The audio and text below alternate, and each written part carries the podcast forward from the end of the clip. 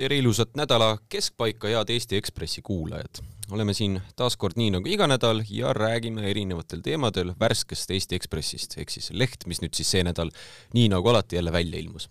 mina olen Joosep Tiks ja minuga on stuudios minu hea kolleeg, kes istub minust üle laua, see võib-olla ei ole vajalik täpsustus, aga nüüd teate, Urmas Jaagant, tere! tere!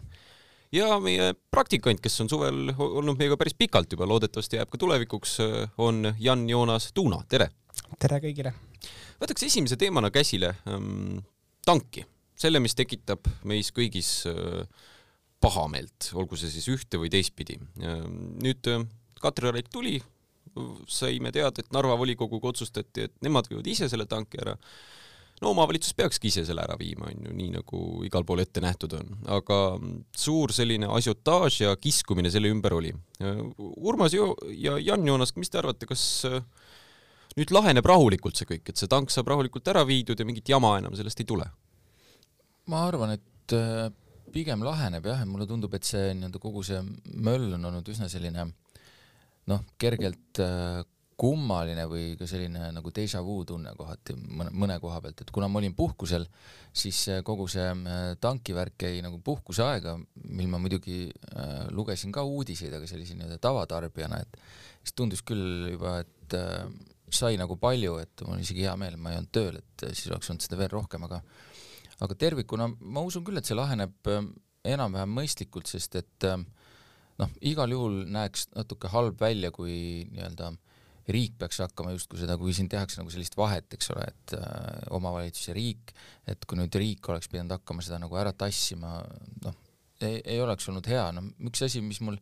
ikkagi küsimus on, et mis siis, et kui varem oli nagu räägiti mingist kaubast, selle vastu nii-öelda püüti nagu kaubaks teha seda, meie võtame tanki, teie saate haigla. saate noh, haigla või midagi muud, eks ole, et et nüüd järsku siis äh, Narva linnavõim on ümber otsustanud, et noh, et kas siis seal oli ikkagi mingi kaup või ei olnud, noh, ma siin olen nüüd küsinud ka, et ei ole,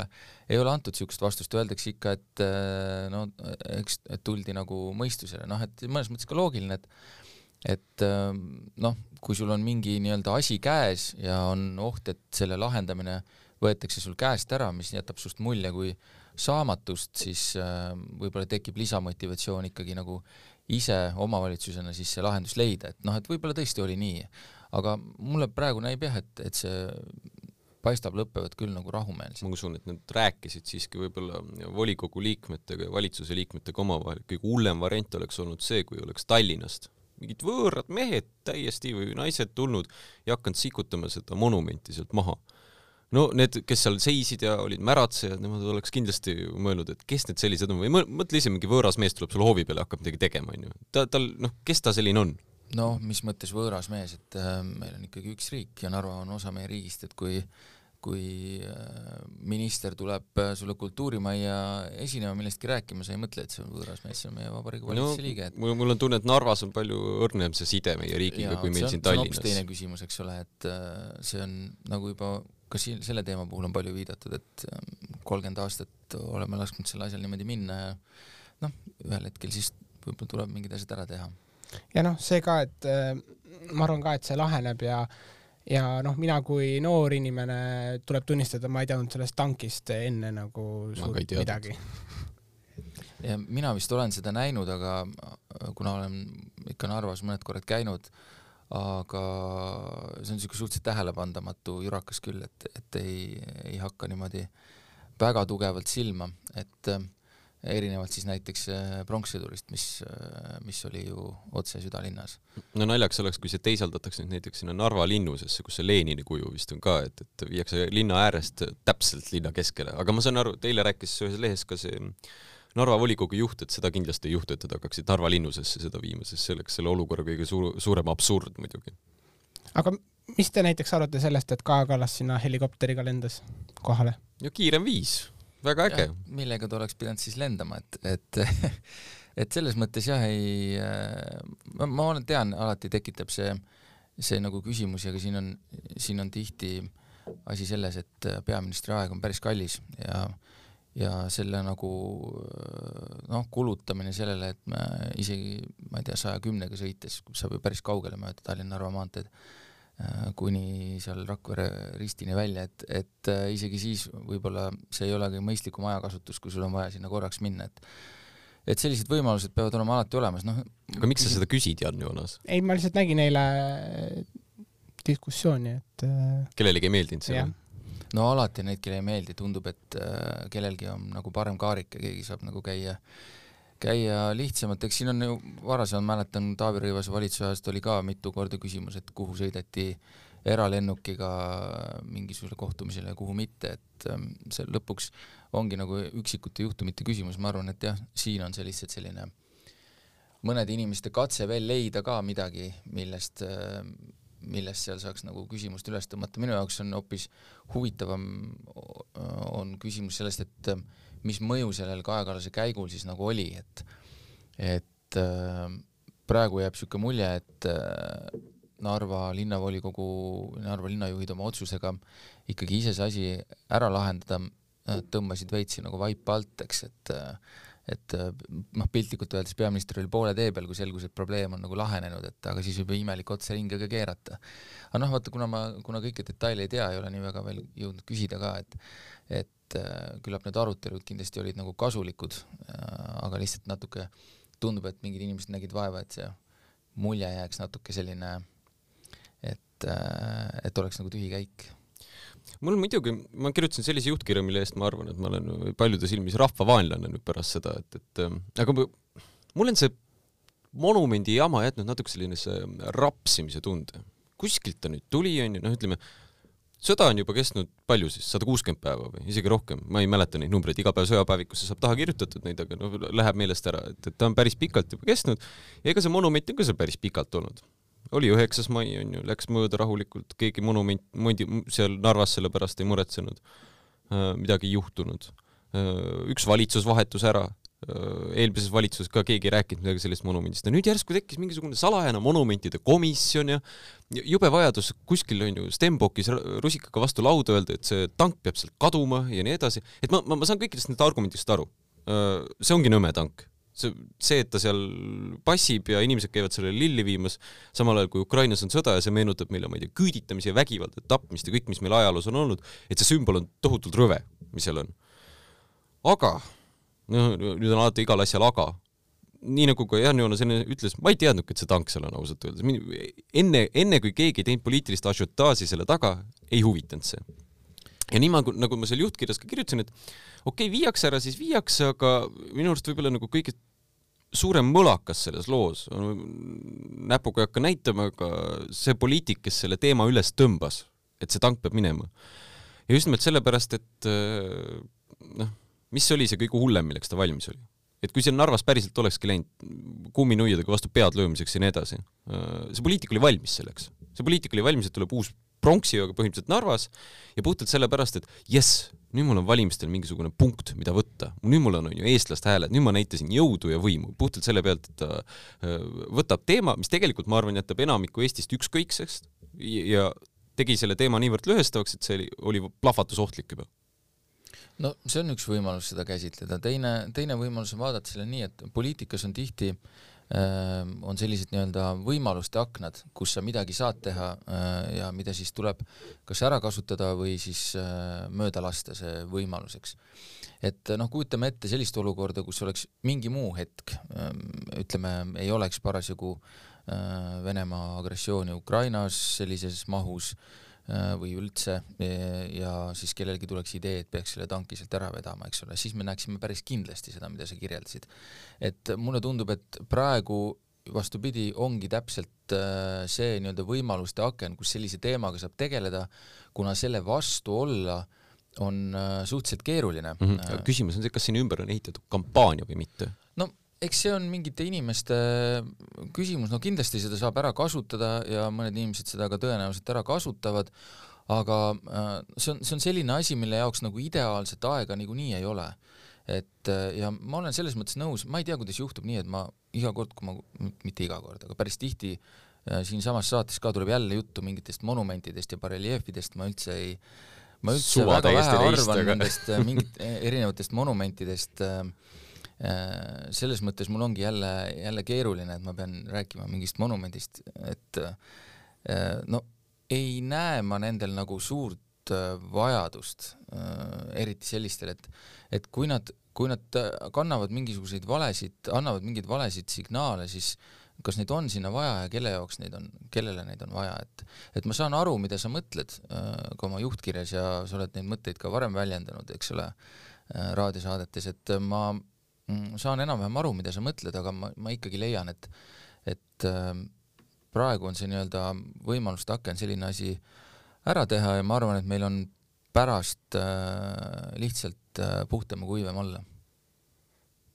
selge, vahetame teemat. ma võtaks äh, kolm teemat järgmiseks, aga võtaks võib-olla ühe lõbusama vahepeal, ehk siis äh, Jan Joonas käis meil driftimist vaatamas. pärast räägiks Jaan Tootsist ja Andrei, vabandust, äh, ühest Ukraina ajakirjanikust, Babishenkost, Vene ajakirjanikust, kes oli Ukrainas vahepeal. Driftimisest, ühesõnaga mm. -hmm Ülemiste parklas toimub üks suur pidu. nooremad inimesed käivad, viivad oma autod sinna ja hakkavad nendega kummi vilistama ja kõigepoolest see on okei okay,, ma saan aru. no ma kohe ütleks, et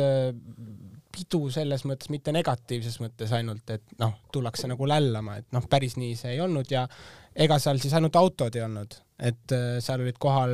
kõiksugused mootorsõidukid, mis vähegi liikusid või olid liikuma pandud traktorid, soomukid. jah, murutraktorid äh, nii-öelda ehitatud ümber ja, ja on sinna veetud ka paate kohale ja noh, kõik, millega saab äh, näidata teistele, et mis sul olemas on. Ja see toimub iga neljapäev, tavaliselt algab kell üheksa õhtul, kestab nii kaks-kolm tundi. Äh, inimesed tulevad kokku, vaatavad siis, kes, kellel mida on, räägivad juttu, seltskonnad saavad kokku Äh, mõni siis seal tossutab ja, ja noh, driftivad ka, aga, aga kuna mina käisin seal eelmine neljapäev, siis seal oli väga-väga palju rahvast. noh, et kui kujutada ette Ülemiste suur parkla ja see oli kõik rahvast täis, kõik parklad, noh, kohad olid autosid täis, ehk siis driftimist, äh, mina tulin sealt kuskil pool kaksteist ära, mina driftimist ei näinudki, sest seda ruumi lihtsalt seal ei olnud. aga muidu jah, Äh, seltskond... nii palju autosid, Ülemiste parkla oli täis pargitud täiesti, täiesti täis, noh, kui tavaliselt võib-olla, kui inimesed tulevad ostukeskusesse, noh, siis on üks-kaks inimest ühes autos, siis noh, need autod, noh, seal on kolm-neli inimest ühes autos. Wow.. Et nad tulevad seltskonniti ja neid ei ole ainult mingi Tallinna rahvas et.... iga neljapäev koguneb ja. õhtuti, ma ei tea, sadu, kui mitte tuhat inimest lihtsalt vahtima teineteise autosid. ja noh, üle Eesti tulevad kohale, et ma saan aru, et äh, see on nagu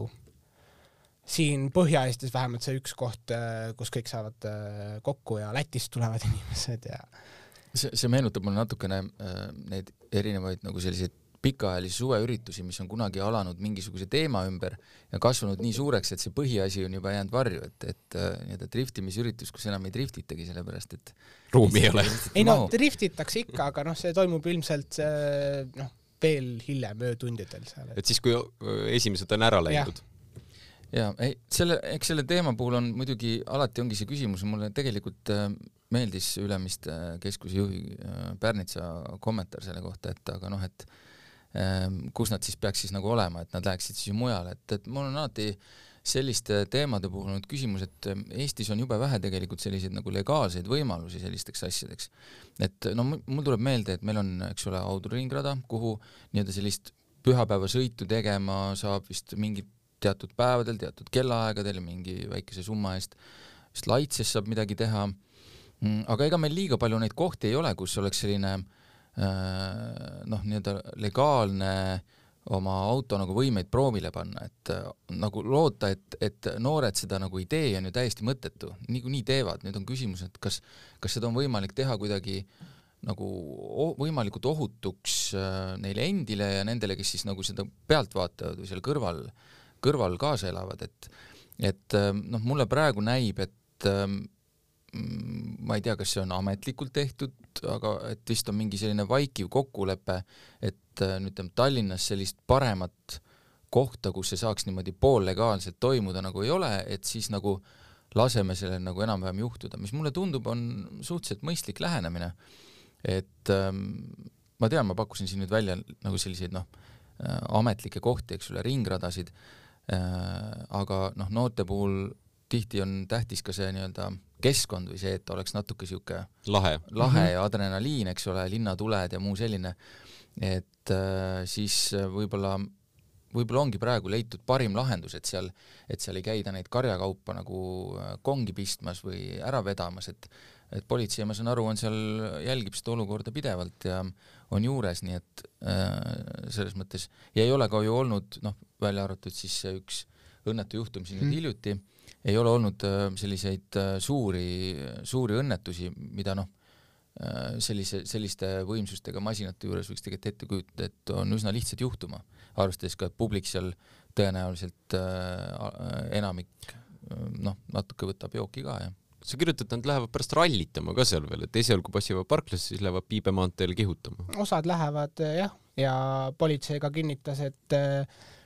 ka tänavatele minnakse siis pärast äh, nagu kiirendama ja noh, selle koha pealt on siis politsei äh, noh, Äh, võtab neid kinni nagu iga kord, kes siis tänaval hiljem hakkavad äh, kiirendama. huvitav, kas on mingid inimesed, kes on harjunud sellega, et ma maksan selle trahvi ära, et vähemalt ma saan kiirendatud?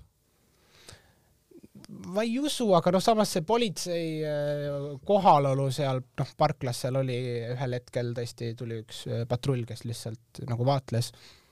Ega see kuidagi neid äh, ei seganud ega häirinud. võib-olla oligi turvalisem, ei lähe kakluseks vähemalt ja küllap, küllap nad teavad nagu neid piire ka, ma arvan, see seltskond, kes seal käib, on no, juba suhteliselt kogenud selles asjas. ja noh, see ka, et äh, noh, ma ise ka vaatasin, et noh, et äh, sul on terve Ülemiste keskuse parkla rahvast täis, sul on kõik autod seal, sul on, ma ei tea, sadu või tuhandeid inimesi seal ja siis on kaks politseinikku. noh, mis nad nagu noh, hakkavad sealt kuskilt takistama midagi või No. see tundub nagu, kui eelmine suvi oli Telliskivi oli täiesti või üle-eelmine rahvas täis ja noh, umbes niimoodi nagu ma ei tea, mädapunn, et pigistades lendab kõik laiali, et nii palju inimesi oli lihtsalt no nüüd on siis Ülemiste keskus muutunud. aga no see ei ole mingi uudis tegelikult, et see on minu jaoks küll oli, ma ei käi ju siit Ülemiste keskuses. see on aastaid seal toimunud, see ei ole mingi viimase aasta tegevus seal. see on tõepoolest aastaid toimunud ja noh, keerulisem koht ongi seesama kiirenduste tegemine, et, et selle jaoks leida koht, et ma saan täitsa aru, miks seda Piibe maanteel tehakse, seal on see nii-öelda len-, vana lennurada või noh, mis on nagu maantee osa, kus ju teatavasti on maandumisi ja kiirendusi teinud ka NATO hävitajad, eks ole, küll suletud teelõigul, mitte liiklusele avatud et äh, kui selliseid kohti oleks nagu rohkem, äh, kus äh, on võimalik tagada nagu mingisugune turvalisus, siis noh, kuskil, kuskil võiks saada seda teha, sest ega see,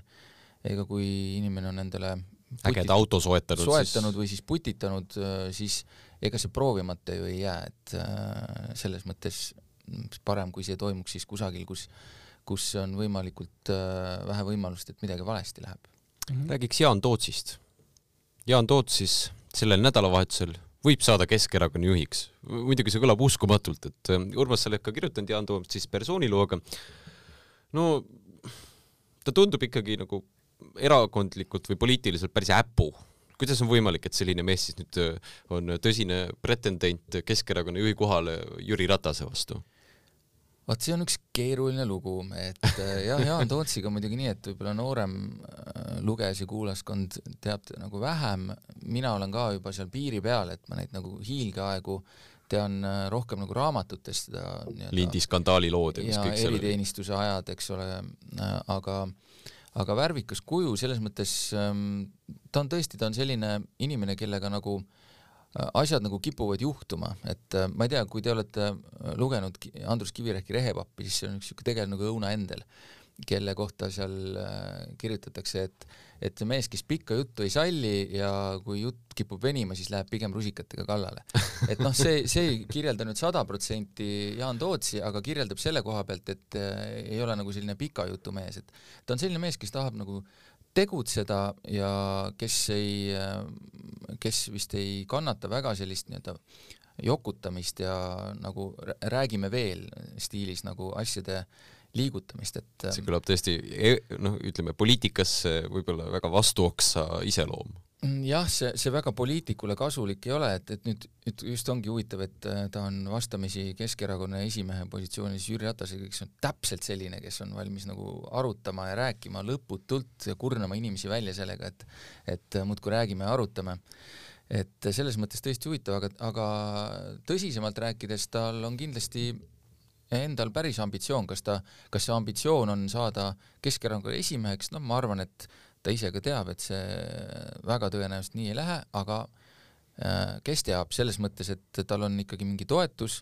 äh, ja isegi täitsa tugev ma arvan, et ta teeb ja ka Keskerakonnas selles vallas kogenud inimesed arvavad, et ta teeb väga hea tulemuse Ehm, aga tema eesmärk kindlasti on äh, mingisugune tugevam positsioon äh, poliitikas üldisemalt. et ähm, seda on mulle öeldud, et ta on juba ka varem siin Keskerakonnas küsinud võimaluse avaldada ministri kohta ja pole seda saanud ja äh, tahab saada kindlasti parlamenti ja see koht, kuidas miks tal Keskerakonnas selline jõuvõlg on, et ta võib üldse minna ja küsida ministri kohta või partei esimehe no, kohta hetkel või? ei olegi, selles ongi küsimus, et hetkel tal seda ei olegi, aga vähemalt nii tugevat, et see, kuidas ta ennast Keskerakonda äh, nii-öelda nagu sisse tõi, äh, noh, tavaliselt see käib läbi annetuste raha, mida tema ja ta abikaasa on ka teinud, aga nüüd mitte avalike andmete järgi nüüd väga suurtes summades, küll kümned tuhanded, aga aga mitte ka väga palju rohkem. et kas seal on mingit muud rahastamist, ei tea kas ta on mingisugust muud ähm, nii-öelda midagi muud vajalikku Keskerakonnale toonud. jooke autosse. igatahes teda on ju selles mõttes ikkagi hoitud, et iga teine inimene, kes oleks korraldanud äh, Tartu piirkonnas sellise möllu, nagu ta korraldas kaks, kahe tuhande üheksateistkümnendal aastal, äh, noh, see, see inimene oleks erakonnast olnud kadunud ammu. Jaan Toots ei ole, et äh, tema sealse möllu tulemus oli ju see, et Keskerakond, kes oli Tartus võimul, no nad on täiesti laostunud seal. kukkus võimult äh,, kukkus võimult välja ja jäi järgmistel valimistel ka kaheksa koha asemel saavutati neli kohta volikogus, nii et äh, noh, ühesõnaga täielik äh, läbikukkumine selles mõttes. Aga Jaan Toots on selline inimene, kes äh, rapsib põlved puhtaks ja läheb edasi. me oleme siin saates varem ka arutanud, ma ei mäleta, kas sina olid ka siin saates, kui me rääkisime Tootsist ja sellest, et miks ta üldse on läinud sinna Jüri Ratase vastu. Ja hästi huvitas mind ka see, et üks päev vist oli Delfis, kus Mailis Reps, kes ei räägi väga tihti, järsku oli aut-, või mitte autor, aga oli autor nende sõnade taga, mis kommenteeris, et Jaan Toots äh, Äh, miks ta peaks saama siis äh, Keskerakonna juhiks, ehk siis äh,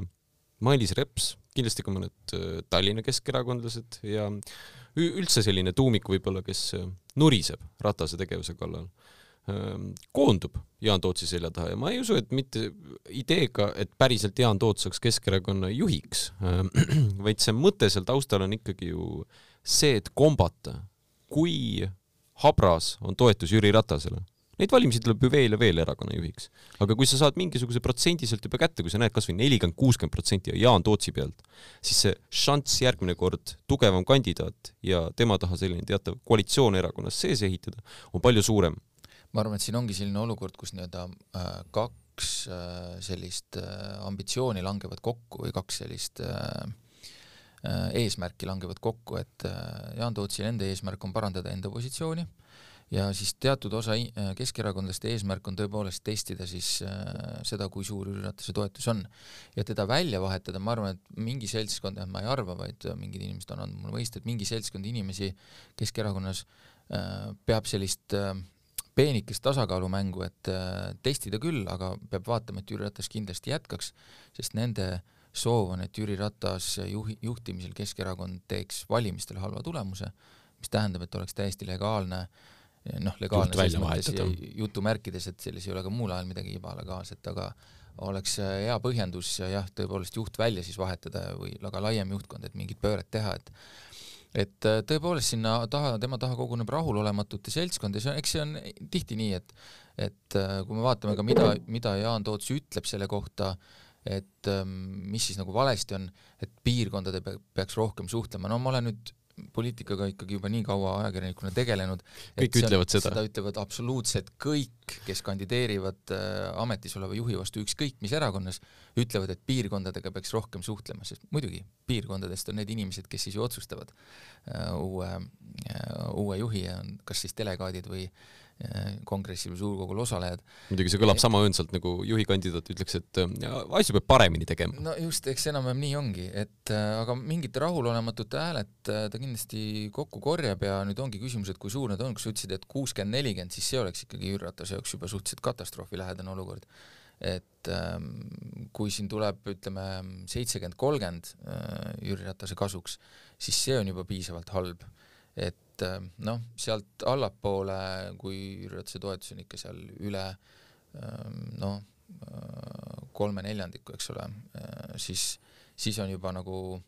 no siis no on okei okay,, siis on enam-vähem okei okay,, et mingi, mingi rahulolematus kindlasti on kasvanud sellega seoses, et et opositsiooni on kukutud ja nii edasi,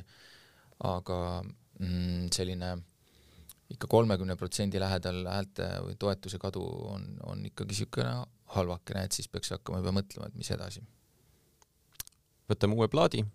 räägime Arkadi Babišenkost, ma ütlesin enne ta nime valesti, Arkadi on ta eesnimi.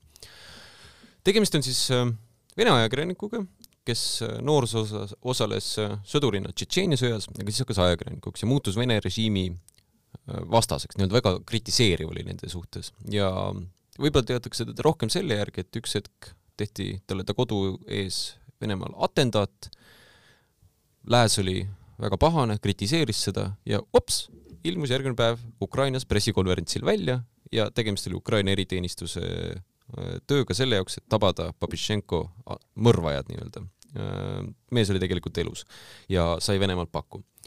ja tema andis esi- siis äh, Ekspressile intervjuu ja äh, tema seisukoht, kui ma nüüd siin kiiresti kokku võtan, on see, et laske Narva sild õhku, ärge laske äh, Venemaalt kedagi siia, et see on ohtlik ja teine on see, et äh, vaadake Venemaad, praegu see võib-olla ei ole seal kolmekümne seitsmendas aastas, kus Stalin äh, tegi suurt puhastust, aga kolmekümne viiendas, kolmekümne neljandas aastas küll, riik on täiesti pööranud sinna, kuhu äh, stalinistlik äh, Venemaa või Nõukogude Liit kunagi oli. ma ei tea, kas peaks Narva silla siis õhku laskma? kas just õhku laskma peaks, ma arvan, et pigem mitte, aga, aga minu jaoks siit intervjuust ikkagi kõige kurvem oli see, et ähm, ütleme nii, et kui, kui, kui tavaliselt vaadata seda nii-öelda Venemaal toimuvat ja seda, mida Venemaa teeb, ikka natuke loodad, et see on, see on üks hullumeelne juht ja äh, tema mingi lähiring ja siis ka mingisugused toetajad, kes elavad mingisuguses vanas, vanas, vanades mälestustes ja imperialistlikes sellistes äh, kujutelmades. Aga tema intervjuust tuleb jälle see välja, et ei, et äh, see on nagu noh, ikkagi ongi nagu vene rahva tegu ja see, et Putin üldse võimul on ja mingis mõttes on see kõik tõsi, siis tekitab niisugust telekas hoiab neid zombistatuna lihtsalt. täpselt, et, et mõtled ju ikka, et Venemaal on ju hulga noori inimesi, et äh, kes ju noh, kellel on kogemust ja kes on näinud, okei okay,, väga paljud ei ole, aga mingi osa neist on näinud ka nagu läänemaailma ja seda, mismoodi saab tegelikult elada ja nagu mm, riiki korraldada, asju korraldada, et et kas tõesti on, on ikkagi see nagu sellised, et, et inimesed pooldavad sellist, sellist lähenemist ja noh, tema intervjuus tuleb, mis tema ju nagu selline kujundi, Narva silla õhku laskmise kujundi mõte ongi, ongi ikkagi see, et et äh, seal ei ole mõtet vahet teha, kas, kas on kas on Putin või on äh, mõni inimene kuskilt äh, mingist Omskist või kuskilt mu-, mujalt, et, et mõtlevad nad samamoodi? mõtlevad nad samamoodi, noh, ma arvan, et see päris nii kategooriline kindlasti ei ole äh,, aga mm, noh, ma mõnes mõttes, minu lähenemine, mulle tundub tark mõte on see, et hoida, mida on ka siin mõned, mõned äh, lääne mõtlejad väljendanud, et hoida uks lahti nendele, kes tahavad sealt minema saada. et äh, mitte lubada neid, kes tahavad sinna tagasi minna, aga neid, kes tahavad sealt lõplikult ära saada, et nendele anda see nagu, jätta see nagu võimalus, et nad näeksid seda pääseteed, kui see vähegi peaks võimalust avanema, et et selles mõttes ma võib-olla siis ütleme niimoodi, et see Narva silla peaks mitte õhku laskma, vaid nagu tegema kuidagi äkki siis ühesuunaliseks või midagi sellist. meil on muidugi endal ka ju Vene passiga kodanikke küllalt siin Eestis, et äh, ma ei tea, kas peaks seda tegema, et näiteks äh, hallid passid, Vene passid, ütleme neile natukene nagu ultimaatumi korras, et kuulge, olukord on nüüd nii kaugel. kas võtate Eesti passi või noh, adjöö. et väga palju on ju ka seda küsimust, et mismoodi meie, üks asi on, kuidas Venemaal on meelestatud, teine küsimus on see, et sedasama Vene televisiooni kolmkümmend aastat tarbinud inimesed on siin. et kas nende puhul on samasugune oht? ma ei tea, Jan, Joonas, kuidas sulle tundub? noh, eks see on selline keeruline koht jah, et äh, ühelt poolt ju tõesti need, kes on kolmkümmend aastat seda propagandat tarbinud, et noh, neid ümber niimoodi sekundiga kasvatada ei ole ju lihtne nipsust. teiselt poolt äh, need noored näiteks, vene-eesti noored, äh, ma ei, ma ei tea, kuidas nende see suhe on Venemaaga nagu noortega vist on pigem see, et kes jääb siia, õpib eesti keele ära, kes ei jää siia, läheb kuhugi üldse lääne poole, Saksamaale, Inglismaale. ma arvan, et ka see on okei okay,, et nad lähevad, ka eestlased ju lähevad, et Lähevad. et äh, saab äh, võib-olla mingit sobivamat haridust või sobivamat tööd, et et äh, muidugi, et nende nii-öelda kolmkümmend aastat siin elanud äh, inimestega, kes äh, pole äh, ei suhestu kuidagi Eestiga, noh, seal võib muidugi alati ka küsida, et et äh, kas me ise oleme nagu piisavalt teinud selleks, et, et neil oleks mingi suhestumine, et et aga, aga täiesti võimalik, et ka see küsimus, mis puudutab neid nii-öelda halle passe, et ka selle äh, küsimuse nii-öelda uuesti tõstatamiseks, küll tunnen, et ma juba on juba ette väsinud sellest äh, dialoogist, mis, mis pihta hakkab sel teemal, aga võib-olla ka seal on see võimaluste aken praegu avanemas või avanenud, et et see küsimus tõstatada, et igal muul ajal varasemalt äh, on see põrkunud mingisugustele sellistele teemadele, kus, kus ongi nagu võimalik nagu mõista, eks, aga, aga kui nüüd Venemaa on ennast nii selgelt positsioneerinud siin, kelle arvates terroristliku riigina, kelle arvates sellise eh, noh, inimõigusi räigelt eirava agressorriigina, et, et siis võib-olla mis on terroristlik riik vist? põhimõtteliselt sama jah, et, et äh, võib-olla see avab sellise võimaluse jälle ka seda, ka seda arutelu pidada mingisuguses teistsuguses äh, kontekstis, kus, kus on võimalik teha mingeid asju, otsustada mingeid asju, mida varem ei ole olnud võimalik, et ähm, no kes teab, eks me näeme, meil ka siin valimised lähenevad, et äh, mis teemasid siin üles tõstetakse, muidugi pigem ma arvan, et seda ei juhtu, et, et me seda arutelu pidama hakkaksime, aga aga noh, mulle tundub, et praegu üks selle jaoks nagu võimalus iseenesest oleks. jah, nõus. aga kuulge, kutid, lõpetame selleks nädalaks ära, kohtume, ma ei tea, kas nüüd teiega, kas nüüd minuga, aga kindlasti kolme-nelja inimesega Ekspressis siin juba järgmisel nädalal. Aitäh teile, aitäh Jan Joonas ja Urmas, et tulite stuudiosse ja aitäh teile, Ekspressi kuulajad, et olite meiega. ilusat nädalat teile